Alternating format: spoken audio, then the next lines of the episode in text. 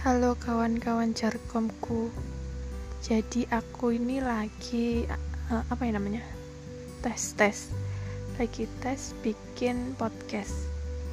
Karena nanti kalau jadi seenggaknya aku tahu caranya biar bisa didistribusiin ke apa? Spotify. Apple Podcast juga bisa kayak.